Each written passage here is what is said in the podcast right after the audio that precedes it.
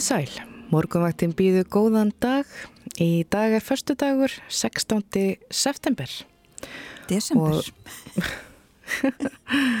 ekki september. Maður er ekki alveg vaknaður í svona morgunsárið. Ég ætla bara að segja þetta aftur. Í dag er förstu dagurinn 16. desember og við lítum fyrst til veðurs. Það eru veðuratöðaninnar og við byrjum á höfuborgarsvæðinu. Í Reykjavík var mínus 10 gráður klukkan 6 í morgun, þannan förstu dag 16. desember. Á Hvanneri voru mínus 14, 2 metrar á sekundu og það eru bláar tölur um allt land. Stikilshólmur, þar voru mínus 9 gráður og ef við færim okkur yfir á vestfyrðina hér á Patricksfyrði voru mínus 8 gráður mínus 7 á Bólungavík, mínus 6 á Hólmavík og mínus 5 í Littlu Ávík. Á Blöndósi voru mínus 12 gráður og ef við förum hérna aðeins, uh, já, söður frá Blöndósi þá er á Holtaverðu heiðinni, þar voru mínus 13. En við höldum áfram á Söðanesvita var uh, frostið 6 gráður. Á Akureyri í morgun klukkan 6 voru 10 gráður frost. Á Húsavík mínus 9, Rauvarhöfn mínus 7 og Skjaldingsstöðum.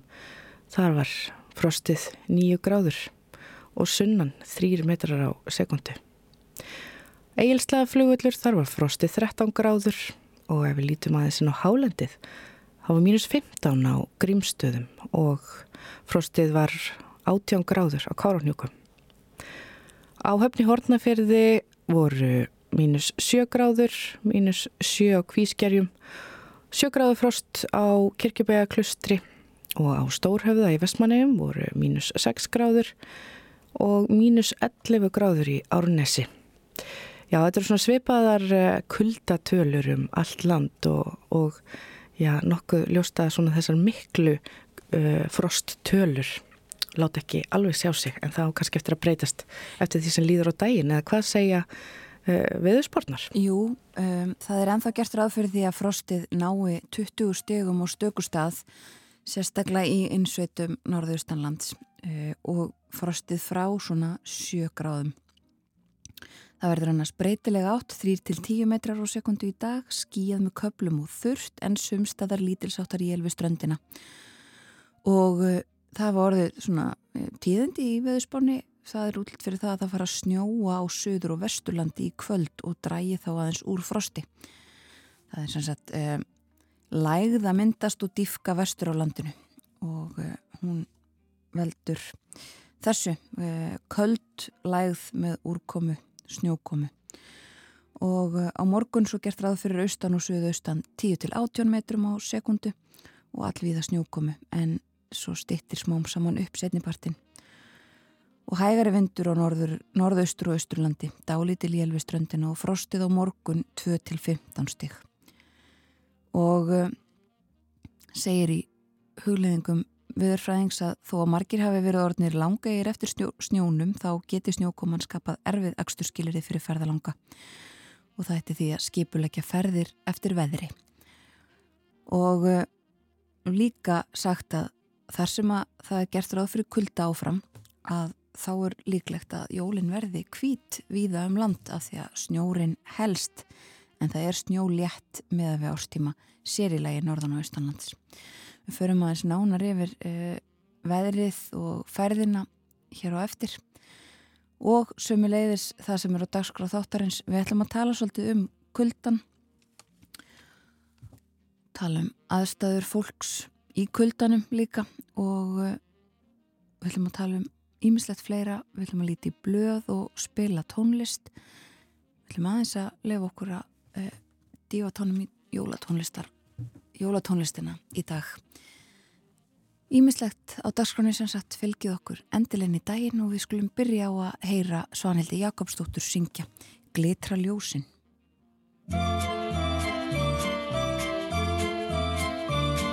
Glita ljós á litlu tré, lituð rauð og blá. Ég undra glapp í augum sé, allra barna smá.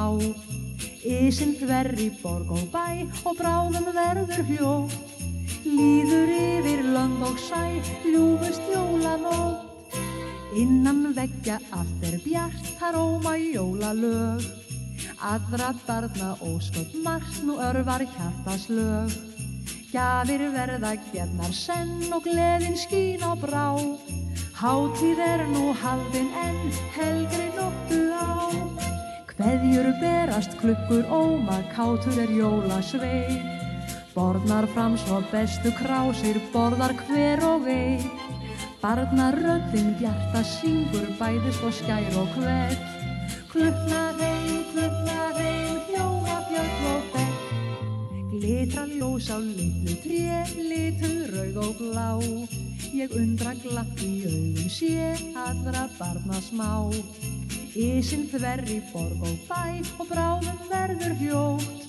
Líður yfir lönd og sæ, ljúfust jólanótt.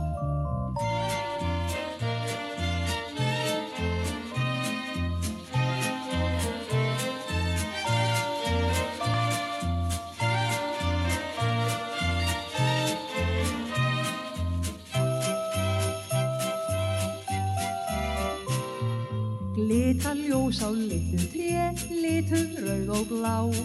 Ég undra glatt í augum sé, allra barna smá.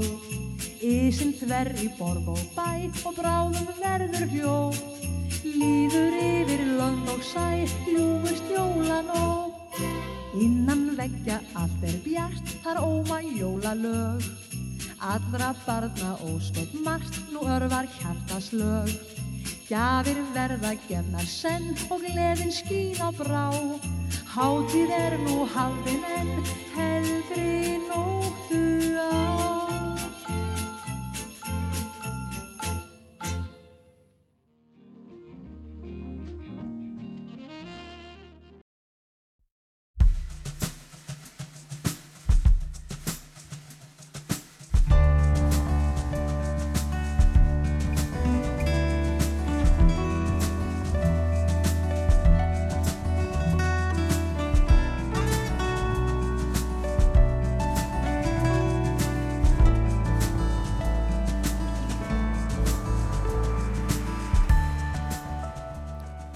Morgumvaktin helsar og býður góðan dag. Í dag er förstu dagurinn 16. desember.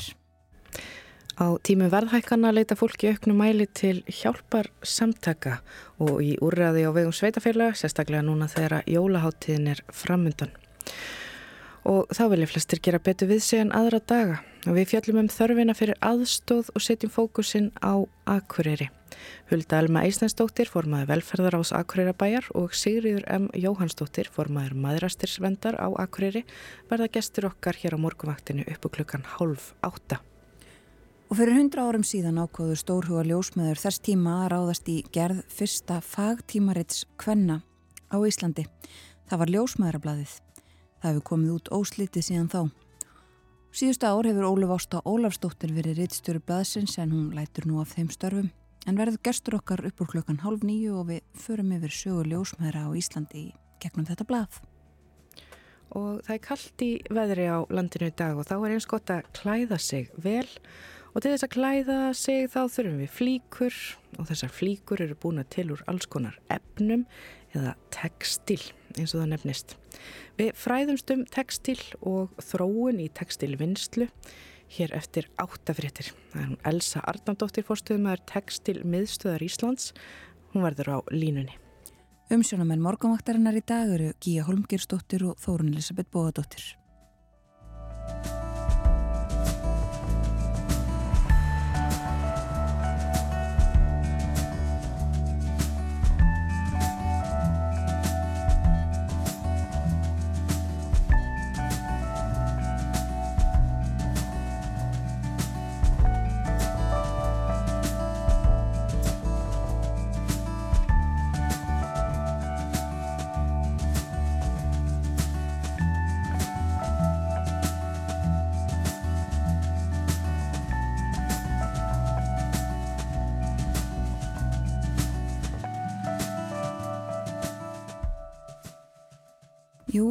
Kallt á landinu í dag og uh, skulum aðeins líta til veðurs. Það er útitt fyrir breytilega átt þrjá til tíu metra á sekundu í dag með þurru og björtu veðri nokkuð víða en sumstaðar verða lítilsáttar jél við ströndina.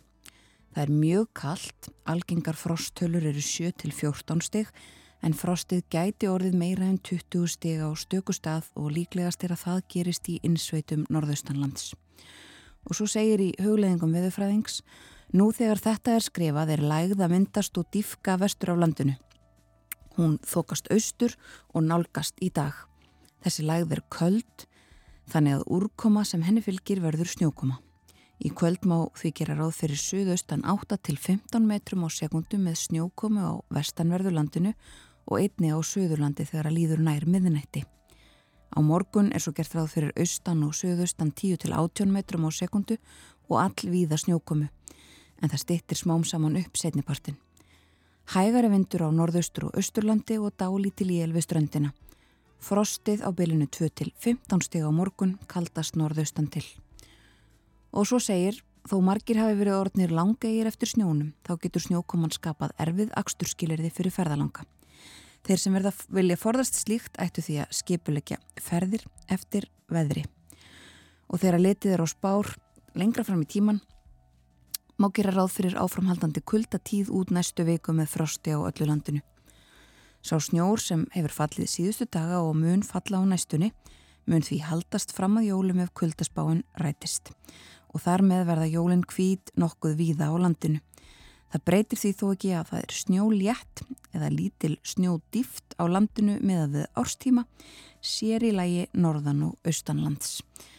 Þetta segir í hugleðingum veðurfræðings frá Veðurstofu Íslands og eh, vegagerðin minnist á það uh, að sjálfsögðu í takt við þetta að það er vetrarfærðum mest allt land og minniháttar ég að legangur norðan og austanlands í dag og snjóar svo söðvestan þegar að líður á kvöldið samkvæmt veðurspám. Og það er hálka eða hálku blettir nokkuð víða á fáfarnari leiðum á söðvesturlandi, hálku blettir meðal annars á Mósfellsheiði. Það er snjóþekja á Svínadal og í botni Kvamsfjörðar á vesturlandi, hálka eða hálku blettir víðast hvar annar staðar. Líka hálka eða hálku blettir á flestum leiðum á vestfjörðum snjóþekja á þröskuldum og eh, fyrir norðan hálka eða hálkublettir víðast hvar snjóþekja á tröllaskaga og þverárfjalli. Ófært á dettifósvegi og snjóþekja eða hálka á flestum leiðum á norðausturlandi. Sömuleiðis á austurlandi hálka eða hálkublettir á flestum leiðum og víða hefur sérst til reyndýra næri vegum. Hálka eða hálkublettir á nokkrum leiðum á söðausturlandi og svo hálka, hálkublettir eða snjóþekja á flestum leiðum á Suðurlandi. Svona er uh, útlitið í veðri og vindum fyrir daginn og næstu daga og uh, eins og viðurstofan sagði uh, borgar sig að fylgjast vel með í, í þessu veðri sem að framöndan er fyrir þau sem að ætla að vera eitthvað mikið á ferðinni. Já, og við ætlum líka að líta í innlendu blöðin. Ég er hérna með fyrir framann með morgumblæðið. Það er áhugaverð eh, umfjöldun hérna framann á mókanum um, um uh, já, hestamennsku. Uh, það stendur hér útiloka þingri knapa. Ef vinnuraglur sem nú er til umræði í Evrópu verða almennt viðkjöndar, gæti þingt knapa á íslenskum hestum orðiða hámarki 70-80 kíló. Og við það eru þau margir knapar og hestamenn útilokaðir frá nútkun hestsins. Og rannsóm sem gerð hefur verið hér á landi bendur aftur á móti til þess að fullortnir íslenski reyðhestar geti borið 120 til 130 kílóa knapa á tölti í stuttan tíma í senn. En það eru vaksandi umræður um þetta í Evrópu og alþjóðasamtök um íslenska hestins hafa verið að búa sig undir þessa umræðu og Já, og þóttum beinist nú ekki endilega að íslenska hestinum getur hún haft áhrif á nótkun hans vegna þess hversu smár hann er. Þannig hafa skipuleikjendur heimsleika íslenska hestin sem verður í Hollandi á næsta ári vissar áhyggjur af því að verði, verði fyrir gaggrinni frá almenningi ef þar sjást þungir karlmenn ríða litlum hestum. Og þótt reglur um íslenska hestin séu talda góðar er verið að aðtuga eða hugað endurbótum á þeim og kynningu.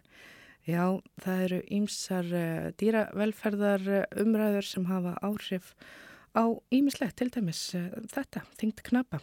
En hér á forsýðu morgunblaðsins þar er mynd af uh, já, tveimur skórauksmönnum að sapna eldi við í heiðmörk. Og þeir síndu það þarna í verki að þeir eru eldhraustir og, og hjuggu og söpnuðu saman tráköpum fyrir jólinn sem ásó að selja á jólamarkaði í heiðmörkum helgina. Og það eru þetta jólamarkaðir víða um land. Og það kemur hérna fram líka að askasleikir, hann kemur í kvöld og það eru átta dagar til jóla það eru þetta spenna á mörgum heimilum hjá börnum landsins þessa dagana Já Það er líka hér á fórsíðu morgunblassins Jólin eru ódýrist í bónus og krónunni samkvæmt nýri verðkönnun verðlagseftilits ASI á jólamatt.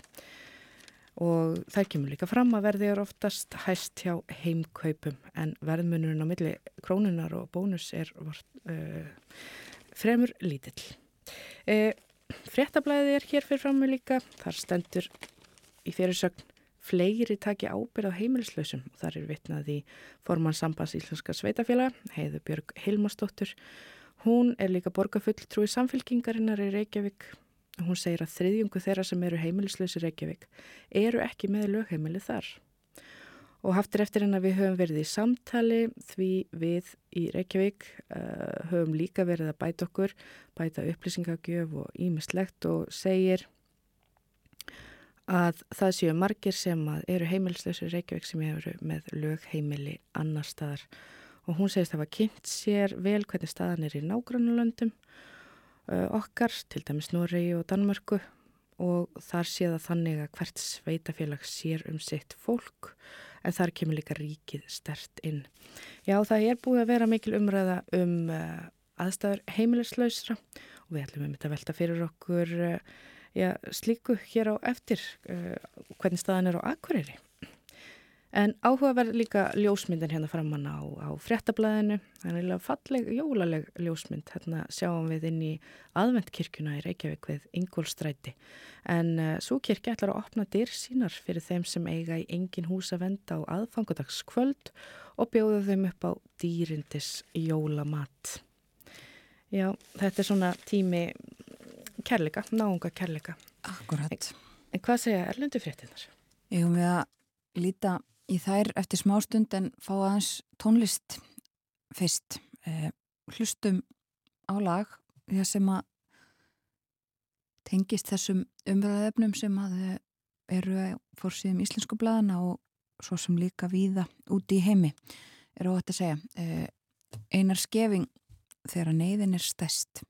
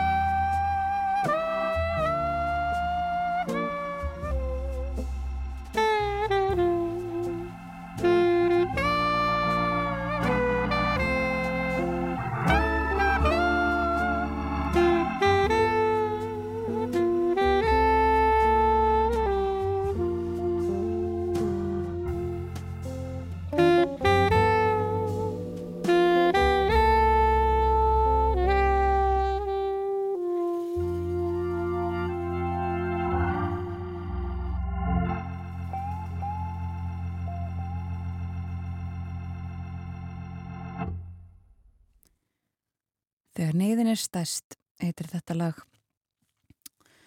Sigur Flósason á saxofón og hann samti þetta lag. Eh, Jakob Fissir á gítar, Þóri Baldursson á Hammond orgalinu og Einar Skeving á trommum. Og lítum örsnögt út í heim. Við eh, skulum byrja á dönskublöðunum í dag.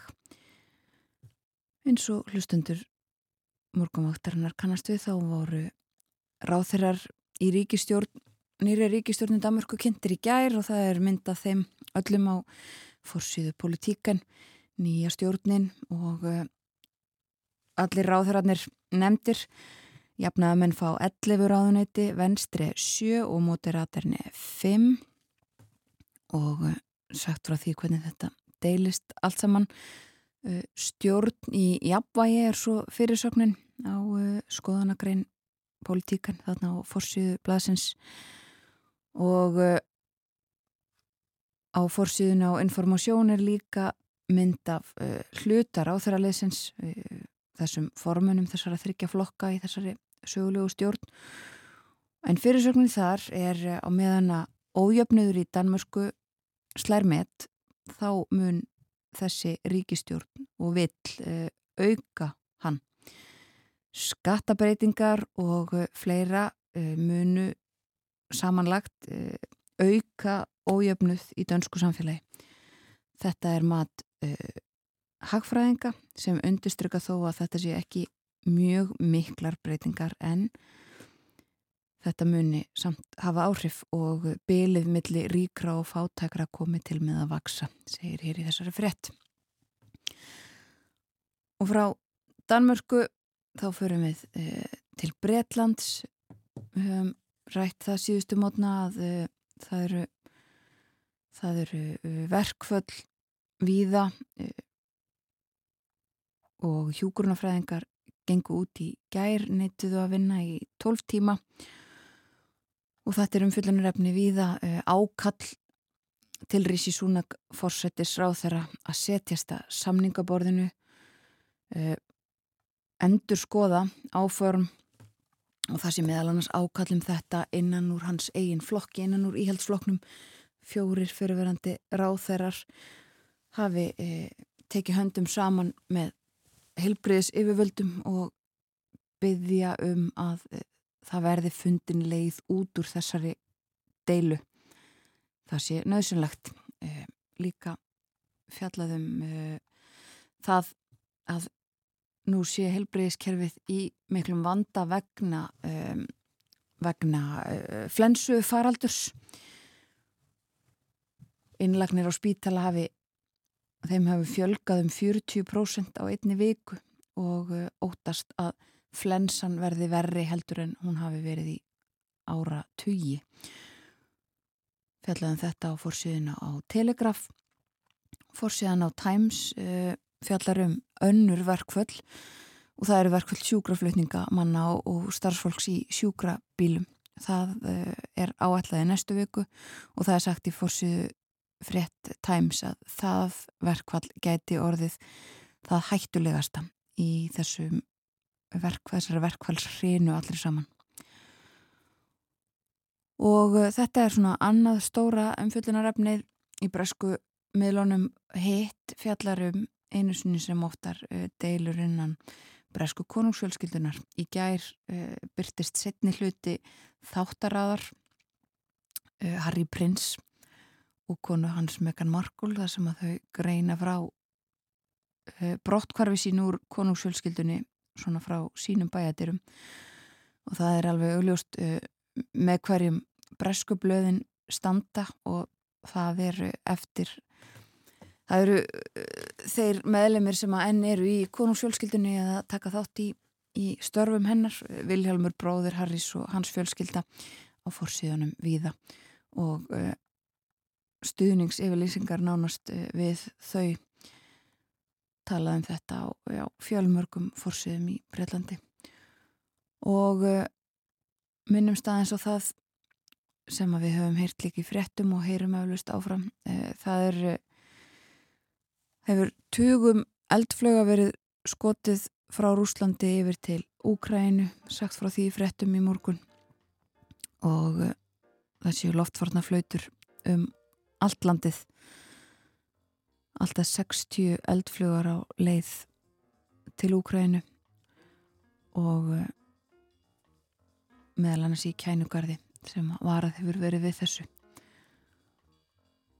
Og uh, Já, sagt frá því núna að það eru búið að ráðast á innviði ímislegt. Eh, þetta er alltaf komið ljós, við heyrum meira af þessu og fölgjumst með eftir því sem þessu vindur fram. En það er einmitt komin tíma á að hleypa að fretta yfirliti og eh, fyrst þó nokkuð um auðlýsingar en svo snúum við aftur hér á morgunhættina.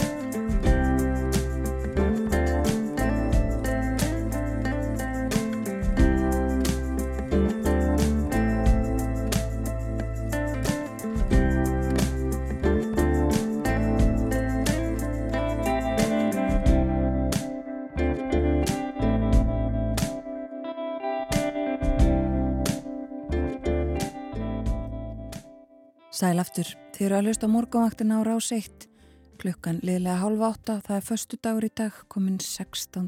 desember. Ásumbrunni Ingostóttir eh, kom örsnögt inn á veðrið, veður horfurnar, skulum fara aðeins ítarlegar yfir þetta. Það er breytilega átt í kortunum í dag, 3-10 metrar á sekundu, skíða með köplum og þurft en sumstaðar lítilsáttar jél við ströndina og það er kallt, frost á byrjunu 7 til 20 steg í dag, kaldast í insveitum norðaustanlands. Í kvöld fer svo snjóa á söður og vesturlandi og dregur úr frosti og verður suðaustan 8 til 15 metrar á sekundu.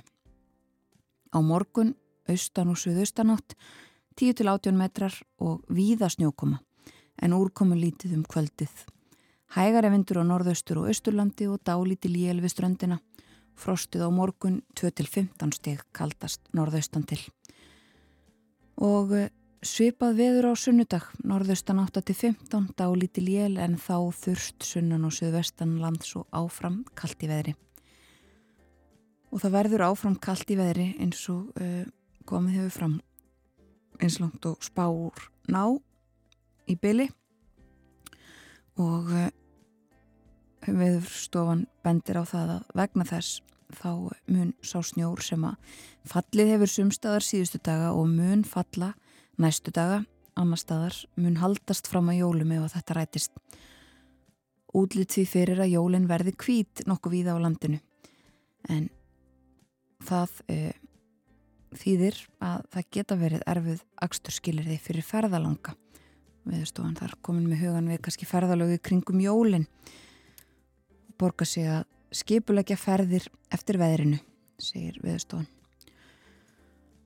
Og Hér á eftir þá ætlum við að ræða um ímislegt við tölum í lokþáttarins við Ólufu Ástu Ólafsdóttur. Hún er ljósmóður, profesor og hefur undanfæra nár verið reittstjóri ljósmæðra blasins. En í dag kemur út hundraðasti árgangur ljósmæðra blasins. Það voru stórhuga konur fyrir hundrað árum síðan sem ákvaði að ráðast í að gera fagtímaritt Kvenna, fyrsta sinnar tegundar á Íslandi.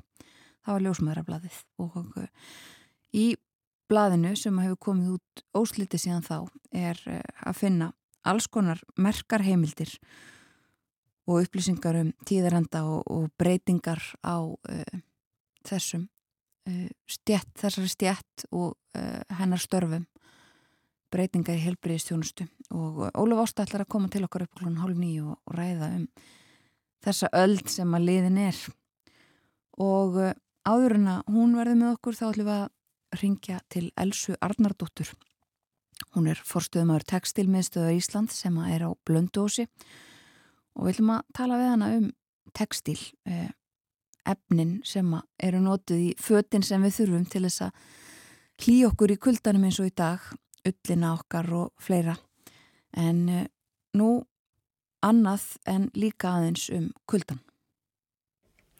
Já, það er einmitt kallt og þá hugum við að velferðamálunum. Uh, Fólk leitar til hjálparsamtaka fyrir jólinn en það hafa allar nöðsina verið hækkað í verði. Heimilisleisi hefur líka verið ábyrrandi í umræðinu og við ætlum að fjalla um þörfina fyrir aðstóð og setja núna fókusin á Akureyri. Og það eru mættar hingað í hljóðstofu Hulda Elma Eistersdóttir, formaði velferðaráðs Akureyrabæjar og Sigurður M. Jóhannsdóttir, formaði maðurastyrsvendar á Akureyri og einnig formaði velferðasjós Eyjafjörðar. Verði velkomnar báðar tvær. Takk, Takk fyrir. fyrir. Já, ég ætla að fá að byrja á þér, Hulda. Þú ert eh, já, nýlega tekið við sem formaður velferðaráðs hér uh, í Akureyrabæ og það hefur verið þessi umræða um heimilisleysi. Það er búið að vera kallt, já, ég er núna frekar kallt á landinu. Hverjar eru aðstæður heimilslausra uh, hér á Akureyri? Eru margir heimilslausir? Um, það er einhver hópur heimilislaus en það er engin á götunni og það er eitthvað sem okkur þykir rosalega gott að vita af.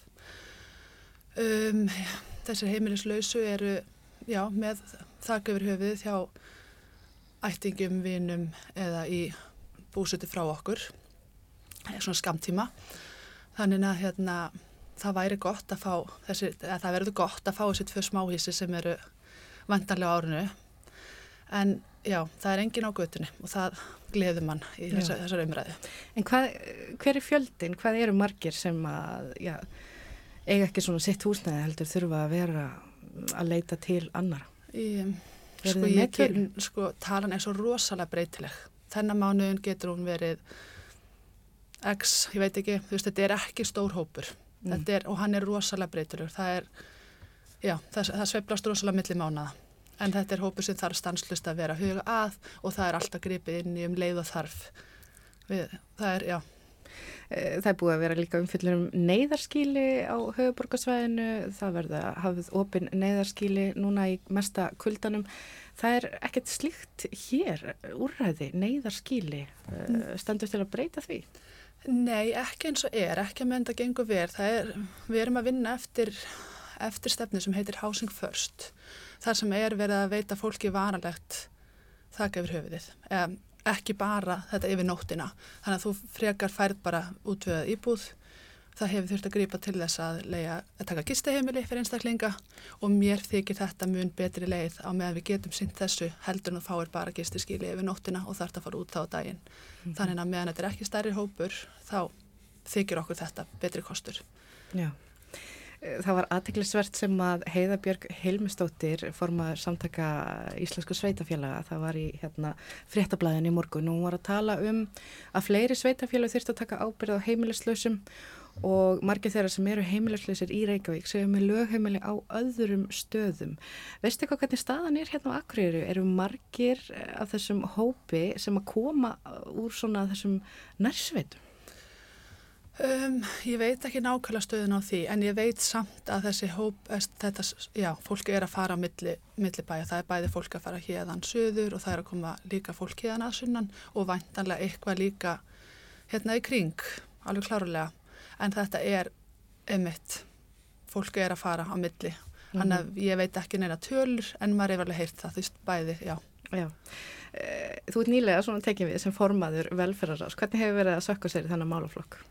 Um, ótrúlega fróðlegt margt erfitt að sjá en margt að vera að gera rosa vel og hérna bara já, þetta er, er mér mjög hjartnæmt mér vil gera vel í þessu málum þannig að þetta er, ég er mjög spennt fyrir komandi tíðum að, tíð að gera betur við viljum, þótt að séu að gera mjög vel hérna þá er alltaf hægt að rína í velferðamálin og kanna hvað er hægt að gera betur mm -hmm.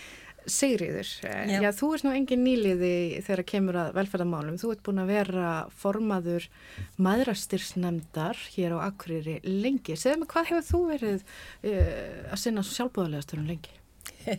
Ég er búin að sinna sjálfbúðarlega störfum í, í yfir 40 ár. Ég er búin að vera í Rauðakrossunum í 40 ár í starfi kirkjunar og, og svo í maðurastýrsnefnd og í velferðarsjóð eigafjörðarsvæðis. Mm -hmm. Og velferðarsjóður eigafjörðarsvæðis, eh, segðu mér aðeins þetta er nefnilega frekar nýlegur sjóður. Já, við hófum samstarf sem sagt 2013, fjögur félög, það er maðurastýrsnefnd, hjálpræðisherinn, rauðukrossin og hjálpastarf kirkjunar. Og ætlum að sjá að byrjuðum sem sagt með jólaútlutanir og ætlum að sjá hvernig samstarfi gengi og gerðum með okkur samning í þrjú ár og það gekk svo vel samstarfið að við höfum alltaf endur nýja það áfram en svo ákvaðum við að breyta þessu frá kennitölu maðuristisnefndar og yfir það að sækja um kennitölu fyrir velferðarsjó og eigafjörðarsvæðis og við þjónustum sem sagt alveg frá Grenevík og til Siglufjörðar mm. og allan fjörðin. Já. Eh, og er þetta heilsárs aðstof sem þið bjóði núna? Þú sagðist byrja, að byrja á jóla aðstof en, en... Já, maðurastist mm. starfaði sem sagt bara allan á sér hring en, en þessi sjóður er núna allt árið. Já, og hvernig er staðan núna fyrir jólin? Eru margir að sækja um uh, hjá sjóðnum? Það voru um 500 umsóknir sem komið til okkar núna og rúmlega það og það baki því eru, eru sko, það er einn einstaklingur sem sækir um en á baki því eru fjölskyldum í stórar mm. þannig að það eru millir 7-800 mann sem eru á bakvið það fyrir utan börnin því það eru um 300 börn í, sem eru í þessum umsóknum. Já, 300 börn. Já, sem eru á baki þessum Já. umsóknum sko þannig að þetta er um, rétt um 1000 mann sem er á baki. Er þetta mikil aukning eh, frá því sem hefur verið? Já, í fyrra vorum við með 433 umsóknir og þá var alveg þriðjungsaukning frá árin áður og nú er aftur svona mikil aukning. En þetta árið eru við með, í fyrsta skiptu með rafrænar umsóknir þannig fólk sækir um sjálft að við vorum með símatíma fólk að ringt inn og við fylgtum út umsókn með fólkinu eða fyrir fólkin og og það er heilmikil breyting á því. Fólki þarf ekki að vera koma til okkar en það veiti sjálf þessar upplýsingar og það sem við þurfum að, að fá að vita líka það eru bara staðgreyslu yfirlit yfir tekjur fólks á árinu. Mm. bæði einstaklingi sem sækir um og eins maka. Og það er alltaf einhverju sem eru yfir þeim hvarða sem við setjum okkur. Þannig þá fá þeir sinjanir já. en hafa fengið þá bara matarpoka í staðin Já, já, já einmitt sem ég langaði til þess að spyrja hvernig, eh, hvernig styrkir eru þetta? Er þetta fjárútlanir eða matargjafir? Hvernig? Þetta er hvori tveggja. Já. Við erum með okkar ákvörnum var eiginlega svo að reyna að koma sig úr því formi sem þetta var að vera með matargjafir og fara yfir í að hafa bara sagt, kort í netto keftum við alltaf fyrst korti, nú erum við með bónuskort þar sem við sóttum sagt, uh, já, tilbóð til Vestlanduna og bónus var með besta verðið til okkar mm. þannig að við keftum kortin hjá þeim núna og við, hver fjölskylda fær bónuskort frá 30.000 upp í 50.000 eftir fjölskyldu stærð mm. og og við erum líka með sum fyrirtæki geta ekki gefið peninga og eru þá að senda okkur uh, vörur sem við setjum í póka og fólk, fólki fær líka og síðan eru við með jólagjafir fyrir börnin. Já, þannig að þetta er heilmikið, heilmikið starfsemi hjá okkur. Já. Uh, Hulda, sko varðandi stöðning sem að bærin veitir fólki sem að ekki nær endum saman, hvernig stendur bærin að aðstóð við uh, þetta fólk? Um, sko, að, hérna, bærin náttúrulega er, er, alltaf hægt að sækjum fjárhás aðstóð hjá bænum. Við höfum séð hann að vera hækka núna á árinu en aðalega með tilkomu fleiri fólk, flotta fólks til bæ, bæjarins. Þannig að við erum ekki fann að sjá þess að miklu aukningu hjá okkur en það gæti færði að koma og svo náttúrulega útvöfu við velferðarsjóð styrk núna fyrir jólinn þannig að það er svona okkar framlag í þessu, þessu mm. málum. Já. Og þú talar um flótafólkið að það sé svona að leita til ykkar mm. og þið styrkið það. Það hefur verið að, já, það hefur Stiðið Já, við stiðum við það, það, það hefur verið margir hafa komið inn á fjárasástóð mm. til okkar. Mér stálti áhugavert þetta sem kom fram hjá Sigriðum börnin það eru svona mörg börn sem að hérna, eru í hópi e, e, sagt, í þessum fjölskyldum sem eru að leita aðstóð. Hefur bærin eitthvað sett svona sérstaklega fókus á aðstóðu börn? Já, það er alltaf verið að, alltaf verið að rýna í hvað er þetta að gera betur fyrir börnin og við náttúrulega við viljum fara, já, við hugum, hugum að málum barna og það er, við til dæmis viljum núna fara að komað inn að að öll börn hafi já, sama rétt á íþrótaíðkun og viljum fara að tekjutengja leikskólagjöldin og frístund þannig að það, það já, þannig að það verður betur hugað að þeim fjölskyldum sem eru með, með börn. Mm -hmm. Út af því að fátakt þetta er nú ekki kannski efni sem er bara þarf að ræða um jólinn þó að sé oft gert. Fátakt, hún lifir allt árið, Sýrjur. Markmið velferðarsjósins er að styrkja börn og að börn þurfi ekki að líða skort og, og við styðjum þau líka til tómstunda yfgunar og þegar að, að íþróttastyrkurinn frá bænum dýr ekki að þá hefur við komið á móts við foreldra og greitt þannig að börnum þurfi ekki að detta út úr íþróttageiðkunni því það er jú mikil forverð mm -hmm. að börn séu í íþróttum. Já, svo er kostnæður við uh, fött og, og, og skó og, og keppnisferðir og ímestætt. Og við styrkjum líka meira sko, við höfum verið að styrkja sálfræði tíma og mm. við mhm. höfum verið með fermingastyrki og og við erum að styrkja sumardvalir fyrir eh, einstaf foreldra og annað þannig að eh, aðeins aftur að svona jóla aðstöðinni eh, já, er eitthvað svona hópur sem að þið sjáuð að er að leita í meira mæli til ykkar? Ákveðin svona samfélagshópur? Þetta er náttúrulega mjög mikið öryrkjar sem að er að koma til okkar. Einstæði foreldrar og einstæðingar í rauninni. Minnst vera meira svona með einstæða karlmenn sem er að koma líka til okkar. En svo glemdi ég áðan að segja í þessar jólaútlutun okkar að þá er líka gjafakort frá Hertex upp á 5.000 krónur og svo er líka eh, frá Rauðakrossunum sem það getur vestlað í búðinni. Já. Kort. Er þá mikil nýliðun í þessum hópi? Fólk sem eru aldrei komið og sótt um áður? Já, við finnum fyrir því núna. Það er þá nokkuð mikið og það er mjög mikil aukning náttúrulega útlendingu hjá okkur mm. núna og það er annað fólk heldur en er að koma kannski yfir árið en margir eru þekktir, já. Já, e svo hefur þróunin verið svo að fólk hefur svona þegar það, það getur ekki lengur sótt í hjálptarsamtaka þegar það er búið að fá svona sínar útlutanir þar þá byrja margir að leita líka inn á samfélagsmiðla, óska eftir uh, matarútlutunum eða fjárútlutunum og margir segja að þetta svona síni fram á já, aukna þörf uh, fyrir aðstóði samfélaginu. Hvernig horfur þetta til dæmis við þér, Hulda? Bara það er frábært að fólk vil vera aðstöða þar sem að þeir sem geta gert það. Um, við, maður sér það að þetta er, er sannlega stækandi hópur sem að, sem að já, er ósku eftir aðstóð en bærin hefur ekki verið að koma í að þegar í að svona þessari starfsemi. Við hefum hérna, styrtið mitt velferða sjóðin en ekki þá sem að eru að gera þetta í gegnum samfélagsmiðla. Mm.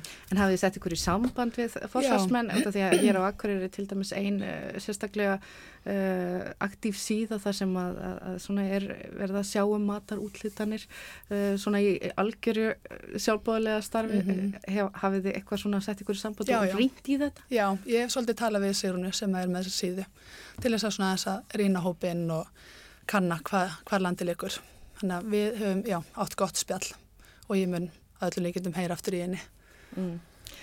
Allt starf maðurastisnæmda til dæmis eru niður sjálfbáðalist. Auðvita, auðvita. Það er allt sjálfbáðalistar. Það er verðt að taka það fram, þetta er allt sjálfbáðalistar. En þið eru með mikið skipulögutan um ykkar, ykkar starfsimi og það já. er svona gag, gagsægi eða það ekki? Jú. Um, en hvernig horfur þetta, þessi þróun við þér Sigriður, þessi svona aukninga á, á aðstóði gegnum samfélagsmiðla? Mér líst ekki á það, ég myndi heldur vilja að, að fólki leitaði til velferðarsjóðsins eða maðuristisnæmdar og, og að því við erum alltaf með sko viðtöl eftir miðjan hvers mánuð að við teljum að það fólk sem er á einhverjum bótum er að geta lífað af sínu launum fram á miðja mánuðin allavega.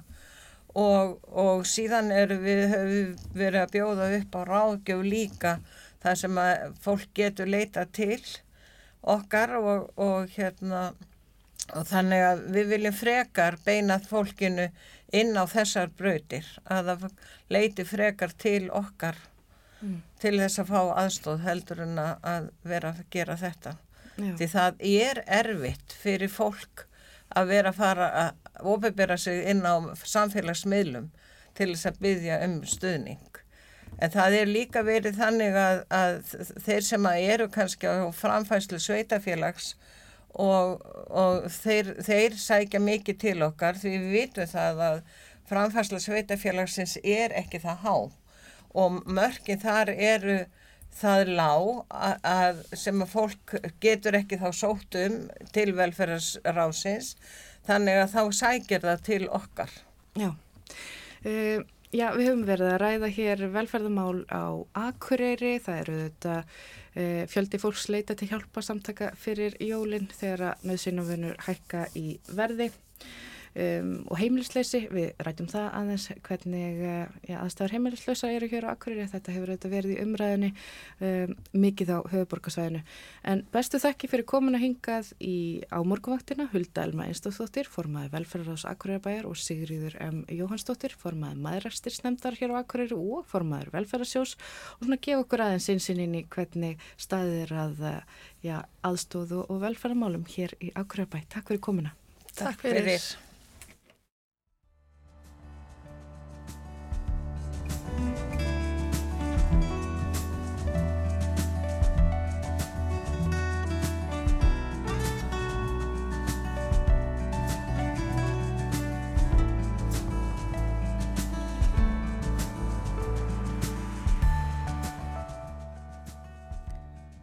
Já, það er engin á götunni á Akureyri um, heimilislust fólk um, ekki í þeirri stöðu eins og staðan er núna, heyrðum við í þessu viðtali. En uh, svo er ekki staðan á höfuborgarsvæðinu og uh, minnum kannski bara á það að þetta var uh, og hefur verið eins og Gíja saði til umfyllunar meðal hans og fórsíu fréttablansins í dag fleiri takki ábyrð á heimilislusum Reykjavík og Borg hefur lengi talað um það að borgin beri hitan og þungan af þessum málaflokki á höfuborgarsvæðinu og eh, vegna kuldans í dag þá hefur verið ákveðið að hafa gistiskíli, neyðarskíli uh, eh, opinn sem að venjulega eru ekki opinn yfir daginn.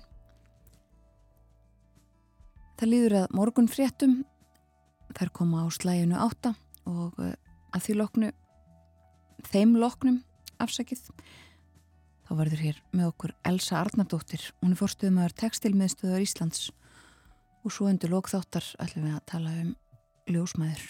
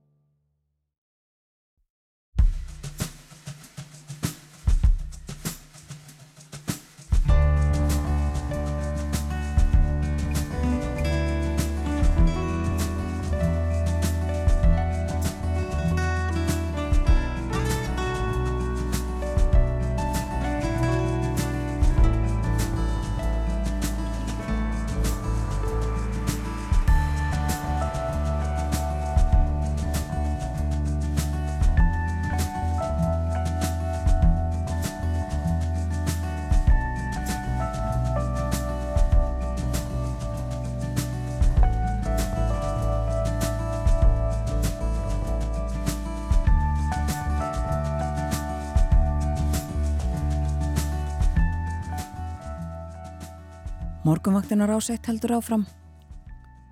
Klukkan 6 mínútur gengin í nýju þennan fastudagsmorgun, 16. desember í dag.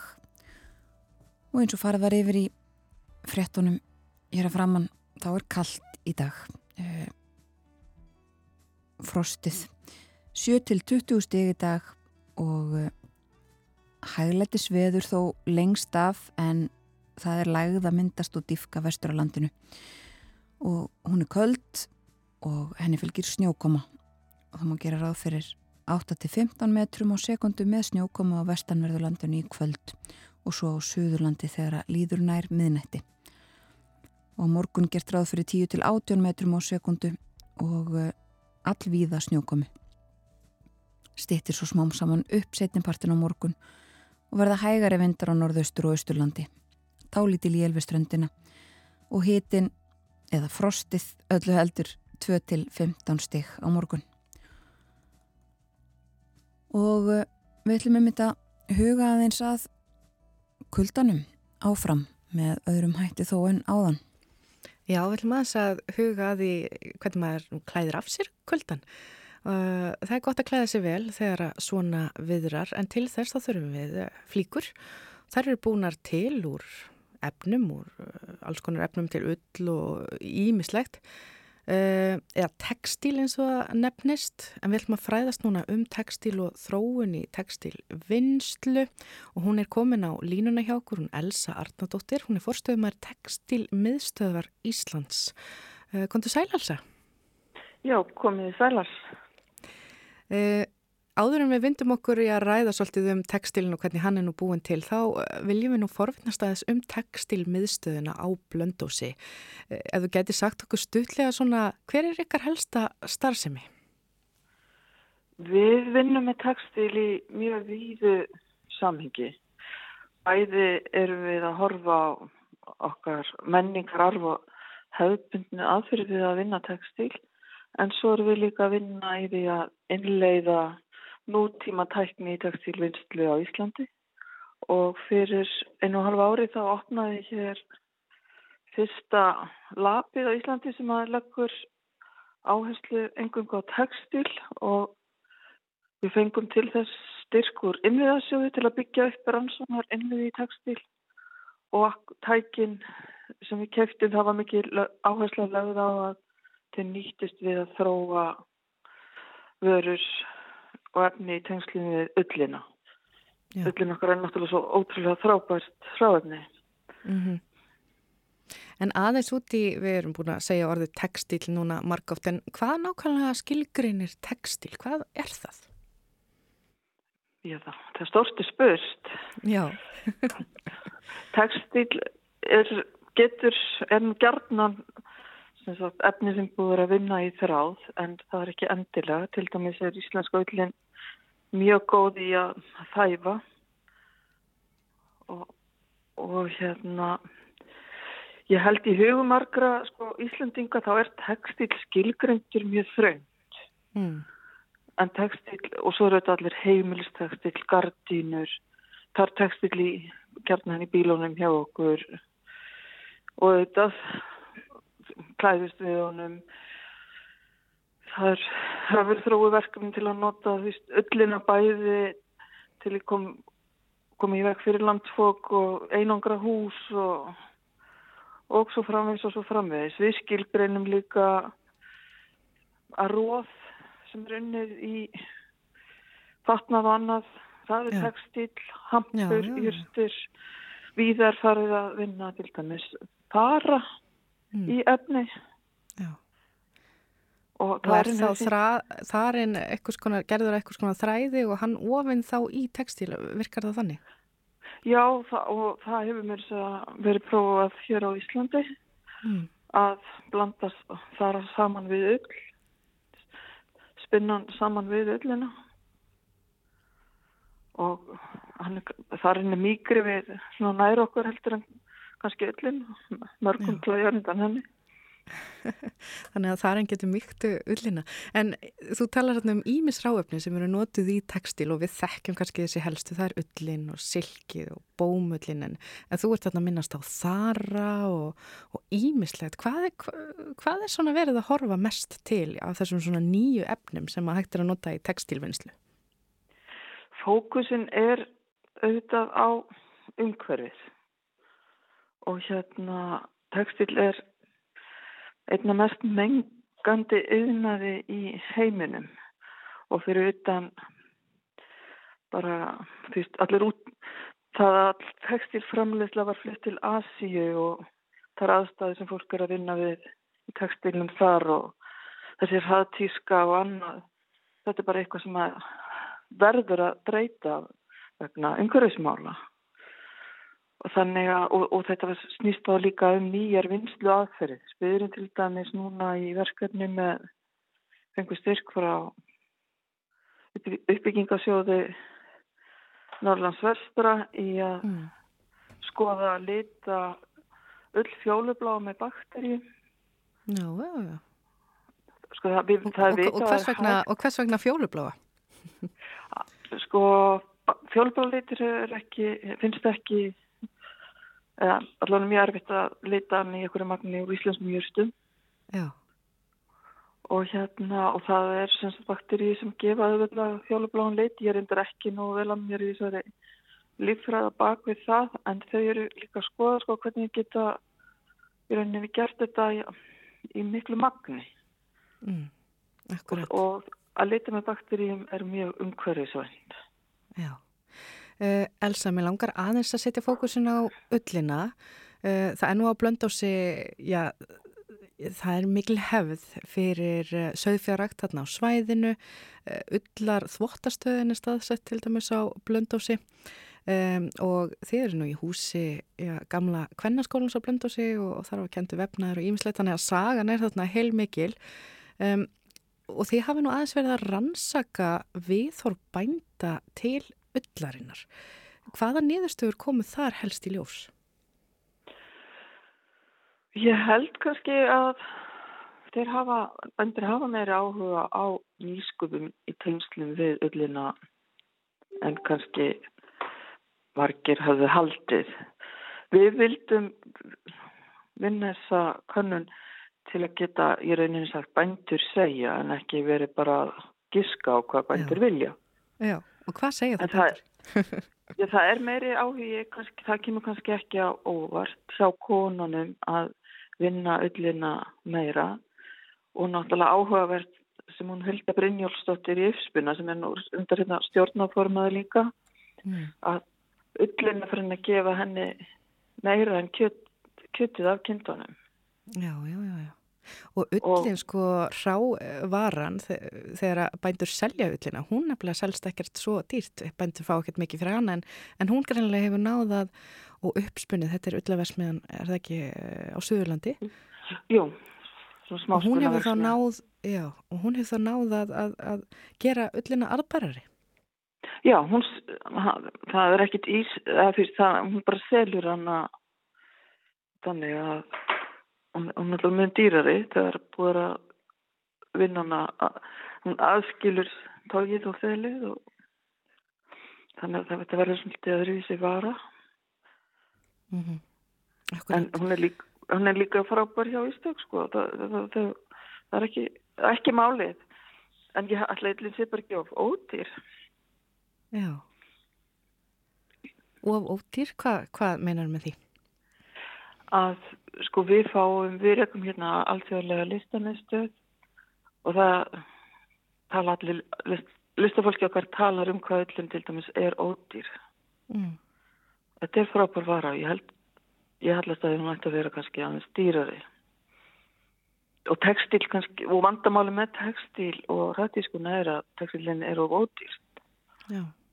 og þess vegna kannski umgung, umgungust við textilin eins og við gerum. Mm -hmm. Nótum og þrjus ára og hendum svo.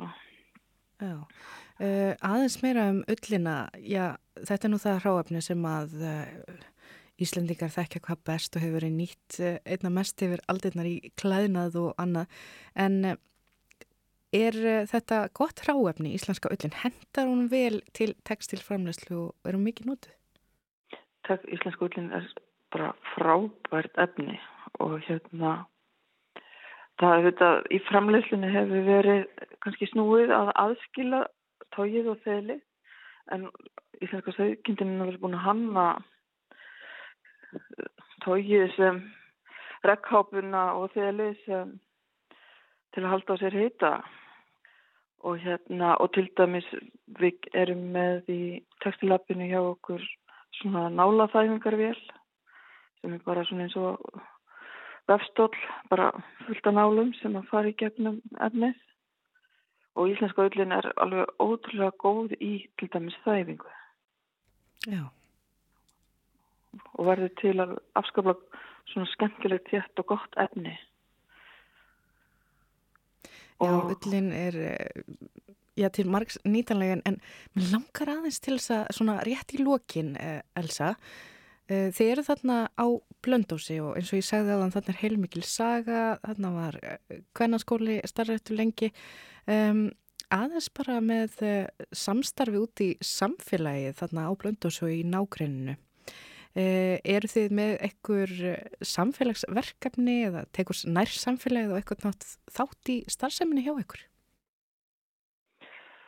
Eh, Já, við, auðvitað, við vorum nú hérna með fund í stóra Evrópuverkamum daginn og þá mætti okkur til aðstofars fulltrúar í úr sveitastjórninni sem sem hverjir eru líka fyrir bændur Já. tók, tóku þátt í vinnustofu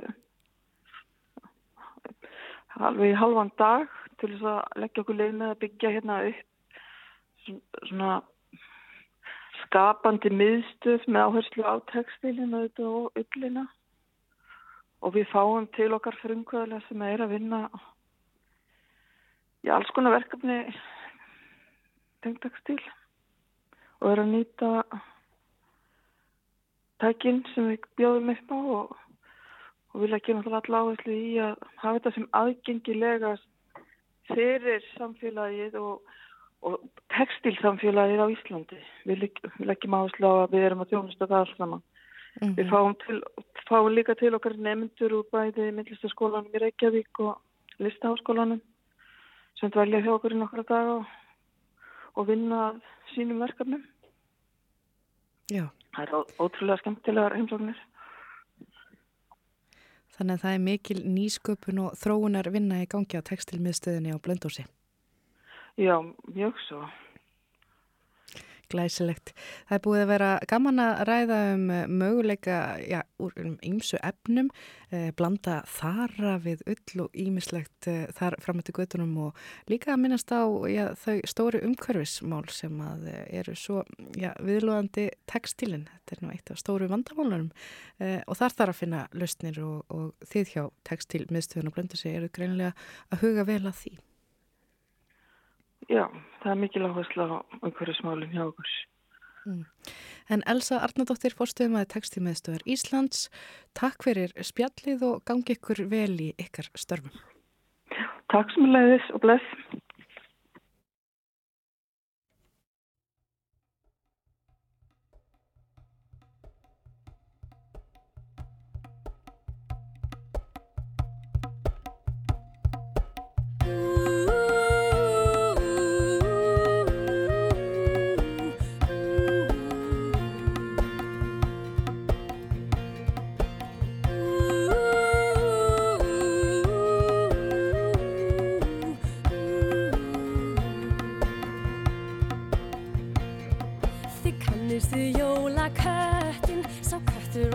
Var gríðar stór. Fólk vissi ekki hvaðan hann kom Eða hvert hann fór. Hann gletti upp glirnurnar sínar Glóandi báðar tvær. Það var ekki heiklum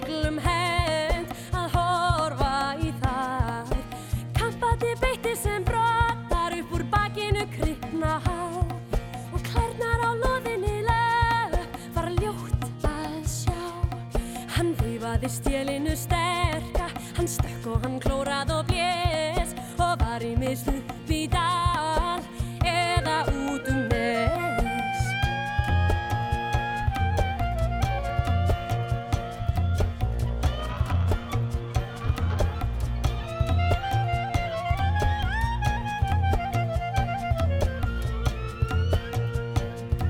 Hann saumaði soltin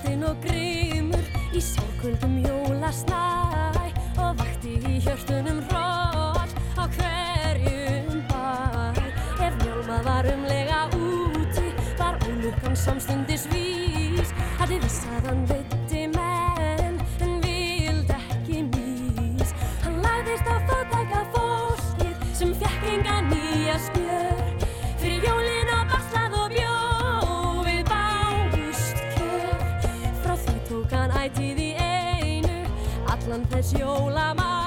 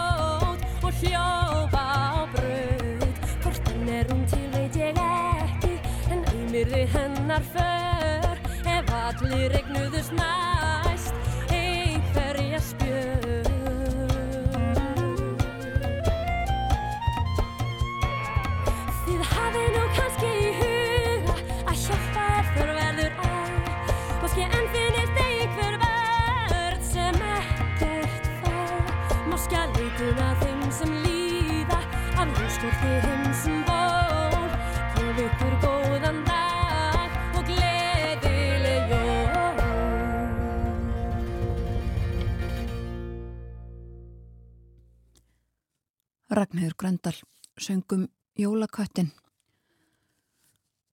Og það líður að yfirleiti morgunfrétta, það kemur frá fréttastofunni eftir 6 mínútur.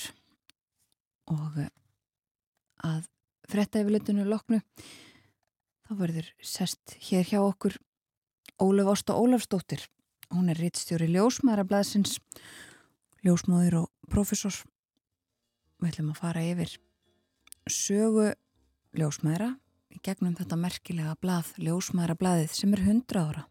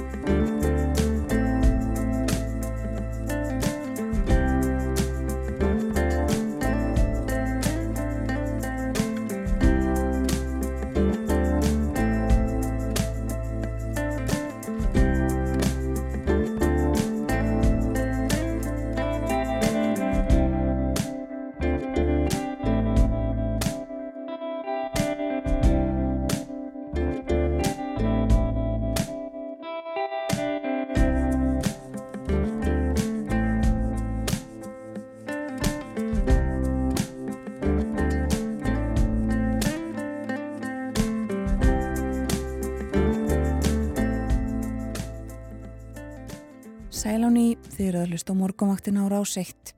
Klukkan orðin rúmlega hálf nýju og það þýðir að síðasti hluti morgunvaktarinnar er framöndan, ekki bara í dag heldur líka þessa viku. Það er komin 16. desember og við heyrðum af veðrinu í frettæfileitinu og skulum ekki vera að hafa það yfir einu sinni enn. Það er kallt og svo er von á snjó, það er eiginlega stutta útgáfan af þessu. En eh, við höfum tölvert rætt um kuldan. Við ætlum að fara í aðra sálma næstu mínutunar. Fyrir hundra árum síðan ákáðu stórhuga ljósmæður þess tíma að ráðast í gerð fyrsta fagtímarits kvenna á Íslandi. Það var ljósmæðrablaðið. Og síðan þá hefur það komið út óslitið, það er að segja á hverju ári. Síðustu ár hefur Ólef Ásta Ólafsdóttir verið rittstjórublaðsins, hún er ljósmúður og professor emerita við Háskóla Íslands en með útgáfi blaðsins sem að kemur út í dag lætur hún af þeim störfum sem rittstjóri sem sagt. Hún er komin hinga til okkar á morgunvaktina. Velkomin. Já, takk fyrir. Og til hamingi með þetta blað Já, sem er stór glæsilegt, 100 ára afmælis blað. Mm -hmm. Við langar að byrja á að tala við þig um uh, upphafið Mm -hmm. á þessu öllu saman. Sko og það uh, hljóta hafa verið mjög stórhuga konur sem að Mhm. ákvaða þetta fyrir 100 árum síðan að Mhm. ráðast í að gera þetta blað. Mm -hmm. Segð okkur aðeins frá því. Já, það er voru stórhuga og uh, á þessum tíma er ljósmarafélagi sjálft orðið 130 ára og þeir stopnuðu það sko uh, 1919 Já. og það er í kjálfær spænsku veikinnar og það var frostavettur mikli og þannig að sko þetta er ekki, þetta, er svona svolítill aðdragandi, svo er það 1922 sem er ákveða að stopna blaðið og það er fyrstir í stjórinin sem að er hérna Þurrið Bárðardóttir sem var líka fyrsti formaðurinn sem að uh, hérna var svona leiðtóginn þarna og það sést mjög vel á því sem hún skrifar í fyrsta blaðinu og fyrstu blöðunum hvað hún brínir ljósmaður til verka Mm. og gerir það á mjög svona ákveðin hátt, svo ekki sem meira sagt, við hlóðum svolítið að því í núverandi rítnefnd hvort að við okkur leifðist að tala svona Já, hvernig, hvernig þá? vera svona, já, eins og hún sagði sko það, að það væri uh, okkur til skammar ef okkur tækist ekki að halda út í stjættar hérna, tímariti og, og værum svona uh, sterkar í því að, að styðja við konur og, og hérna og líka bara mjög bara, hún talar til nútímans, hún er í raunum verið að segja það sama og við erum að segja í dag og erum að leggja áherslu á í mentun okkar að standa vörðum eðlega fæðingar og, og hérna svo framvegis og framvegis og sérstaklega til dæmis yfirsettuna af því það er svona eitthvað sem við viljum halda þessu svona mannlega í þessum stóru heilbriðstofnum sem við vinnum í. Og það var hún einmitt að leggja áherslu á vegna þess að þessum tíma eru fæðingarnar smátt og smátt að að, hérna, að færast yfir í, á landsbytalan, hann reyndar opnar ekki fyrir 1930 mm. en þegar hún er að skrifa greinar í bladi 1932 til dæmis þá er hún svona í ákveðnum uh, svona ekki kannski reytilum en hún er í svona faglegri umbræðu við uh, bara samfélagið um Já. það hvað skiptir máli fyrir konur og, og meðgöngu og fæðingu og allt. Já, þetta er auðvitað líka hvernreitndabarta Já þetta er það nefnilega og við erum eiginlega svolítið stoltar af því að, að geta hort aftur á veg til hvernig þetta balundu. Við áttum aðra mjög sterkar ljósmáður sem hétt Þorberg Sveinsdóttir eh, svona 50-60 árum áður sem var líka mjög þekkt og, og stopnaði Kvennrettindafélagi Íslands því að áðurinn að við vorum að félagskapa eða eitthvað slíkt og áðurinn örðum formlegu skóli að þá náttúrulega voru ljósmaður starfandi bara í heimahúsum og, og leti í sér heyra og voru að byggja þetta allt saman upp sem að hefur verið að þróast síðan. Já, og já, það er ákveðið þarna að e, ráðast í þetta fyrsta fagtímaritt hvenna og ef ég las rétt að þá var svona læknablaðið að því það var e, orðið til og það Já, þótti... Já, það er held ég eitthvað svona átt árum fyrir Já. eitthvað svo leiðis og svo það... kemur hjókunarblaðið bara tveimur árum eftir. Já. Þannig að þetta eru þessi heilbríðsvísindagreinar sem að voru með svona einhverja formfestu Já. á þeim tíma hér á landi. Já, og þú nefndir Þurriði Barðardóttur og aðeins þessi fyrstu tölublöð. Eh, segðu okkur aðeins nánar frá eh, Þurriði og, og kannski líka aðeins frá því sem svona var í umræðinni þessi fyrstu blöð og fyrstu ár. Já, þau voru mjög einföld þessi fyrstu blöð, þetta voru svona bara einblöðungar, rosalega fallegt og gott að halda á þeim núna, svona þunn og svolítið brún og það var svolítið af auglýsingum og við erum enn með auglýsingar, við þurfum á því að halda til að halda út í svona blaði, við erum náttúrulega ekki stór stjætt Eh, þeir voru stórhuga, þetta var sama form og var á hérna, bókmyndatímaritinu skýrni á þeim tíma. Því það tímaritt var til sko. og hérna þannig að það lögði mjög mikið í þetta.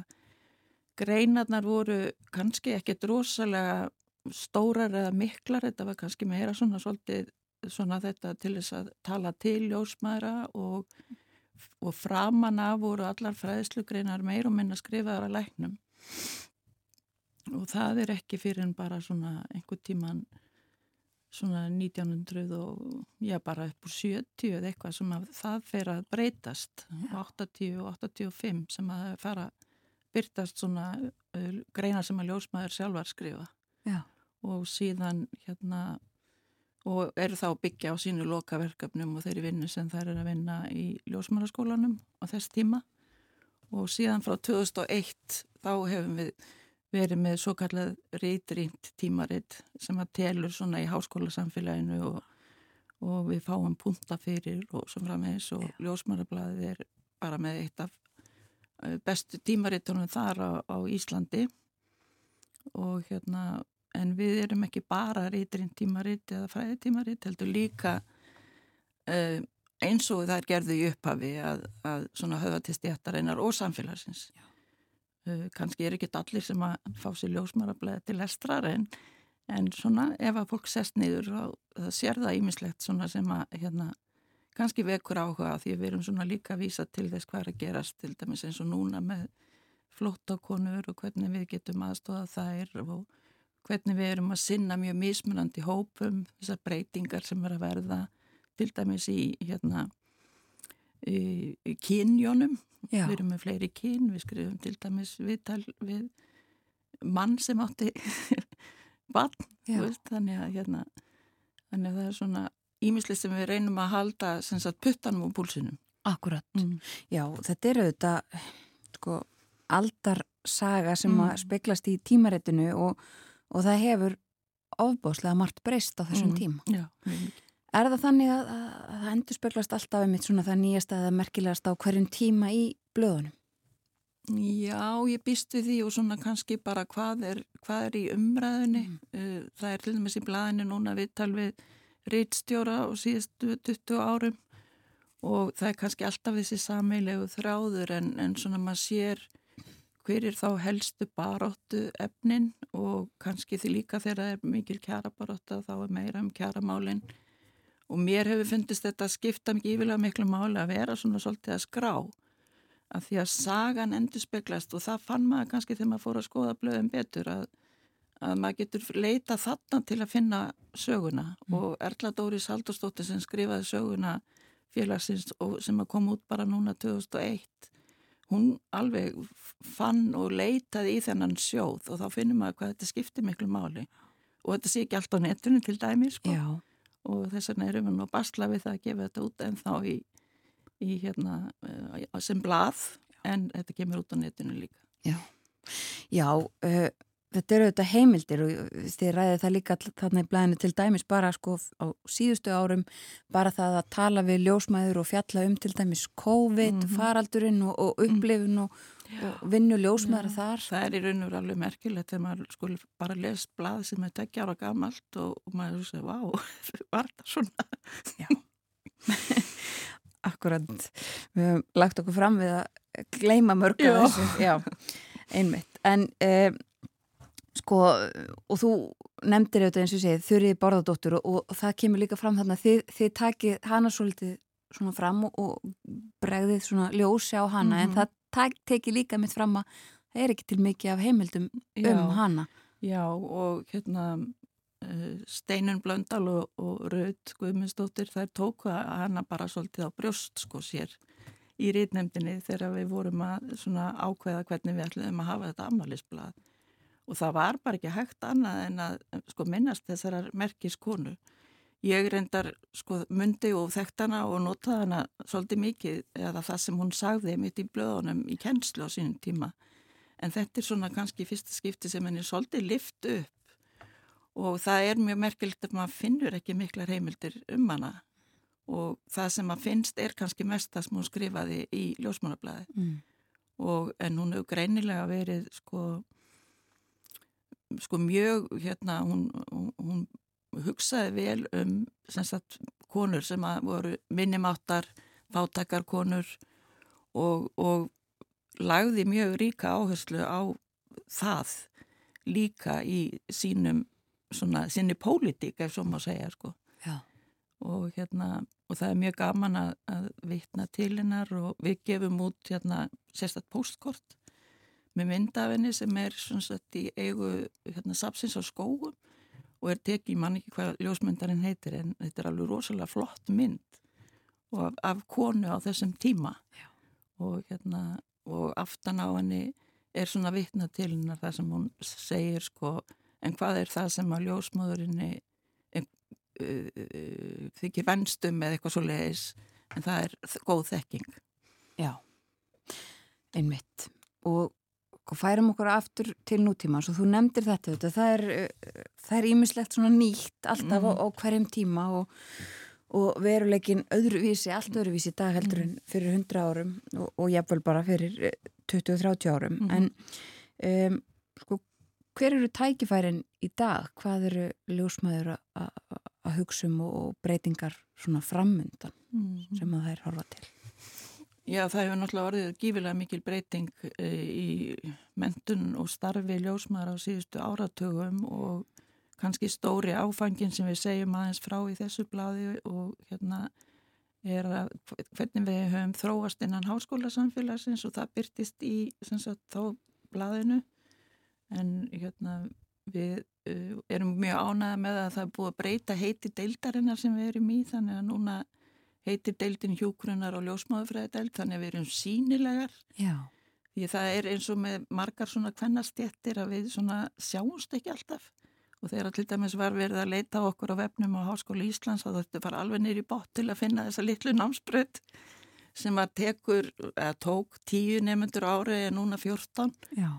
og við getum náttúrulega ekki tekið mikið fleiri þess að við fæðum ekki fleiri börn heldur en raunin er á Íslandi En blaði sem slíkt vonust við til að hérna, haldi áfram að lifa góðu lífi og eins og þurriði sagði sko þetta væri að koma þessum króa til lífs og við hefum nú haldið honum á lífi, greinlega sko. Og hérna og höldum bara áfram að hérna styrkja okkur í starfi og sinna fólki sko hvar sem svo sem það er statt og það er ekki bara bærningnaferlið eða fæðingaferlið heldur líka íminslitt varandi kynheilbreyði og, og það sem að svona er í kringum þetta svið í góðu samstarfi við aðrar uh, hérna, heilbreyðstéttir. Já. Það, einmitt, voru fallega orðað þarna í blæðinu hjá okkur sko að, að ljósmaðurablaði muni áfram þjónur hlutverki sínu sem vettvangur ljósmaðura þar sem þær berjast fyrir bættum heimi til handa fæðandi konum og fjölskyldnum þeirra. Mm -hmm. Er það kjarnin í starfi ljósmaðura? Já, e, það er mjög sterkur kjarni þetta að vera með konunni þar sem Já. hún er. Og hérna, yfirsettu konu heitið lýsir því svolítið. Það er þetta að vera yfir konunni og, og hérna, því það er gamla heitið. Uh, ljósmáður heitið er svolítið öðruvísi uh, sem að vísar til þess að verum þannig að þeirra badfæðist, kemur út í ljósið og þess vegna er það er líka mjög stert svona kannski uh, hugtak Já. sem að kemur upp í hugan við, og við erum mjög hefnar að eiga svona fallett starfsheiti að því það heldur okkur kannski við efnið. Ég geti ímynda mér það sko. Já. Þannig ég held að þetta sé eitthvað sem við viljum gera og hérna og stöndum fyrir. Já. Takk fyrir að koma til okkar á morgumvaktina Óluf Ásta Ólafstóttir. Takk fyrir.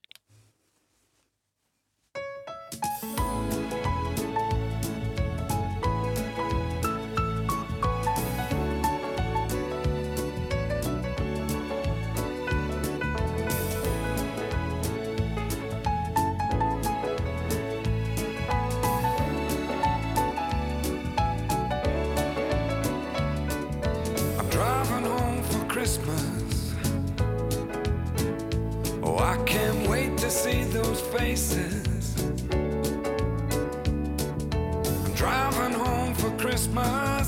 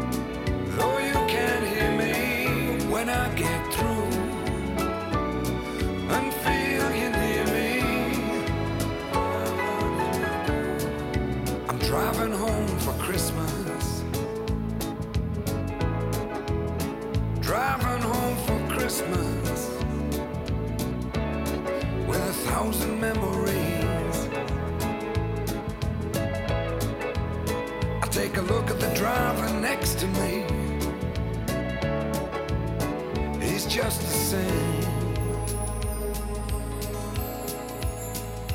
Just the same.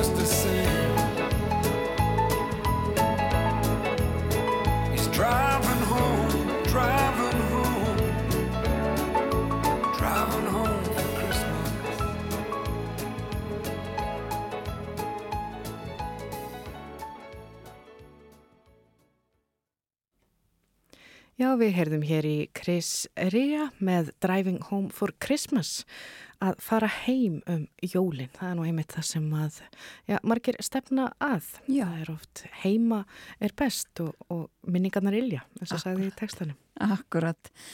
Og uh, það er útlitt fyrir það að þingmenn komist heim til sína á næstu dögum. Það náðist samkomiðlag um þingloka á alþingi í gær. Samstaða um að klára þingi með sómasamlegum hætti, sagði Óli Björn Kárasson, uh, þingflokksformaður sjálfstæðsflokksins í viðtal við frettablaði sem ég með hérna fyrir fram að mig. Ekki útlokað að þingfundur tegist yfir á laugardag, það er sem sagt þingfundur í dag, hann hefst klokkan halv 11 og uh, 16 mál á dagskráni fyrst ber hann nefna störf þingsins og svo alls konar mál. Og uh, það verður já, eins og hann saði mögulegt að þetta tegist inn í helgina en sjáum til, saði Óli Björn þetta lítur ágætlega út og ágætur andi. Það er búið að afgreða fjáraukalög og fleira en það verður auðvitað að klára fjárlögin. Það er lögum samkvæmt eitthvað sem verður að gerast og ímislegt fleira sem stemtir að það ná að klára fyrir jólafrí hjá þingmönnum. Já, og þetta hafna verið fjörugar umræður eins og sjá hefur mótt svona í fréttum undarfærið og því að það verður auðvitað áfram þannig. Sannlega, en þessu er að ljúka hjá okkur í dag og þessa vikuna. Já, uh, við verðum á okkar stað uh, hér klukkan tíu mínútur í sjö mánudags morgunin en uh, þessi lokið hjá okkur þennan förstu daginn. Við þakkum fyrir okkur, umsjónamenn morguvaktarinnar voru Gíu Holmgjastóttir og Þórun Elisabeth Bögadóttir. Njótið helgarinnar og verið sæl.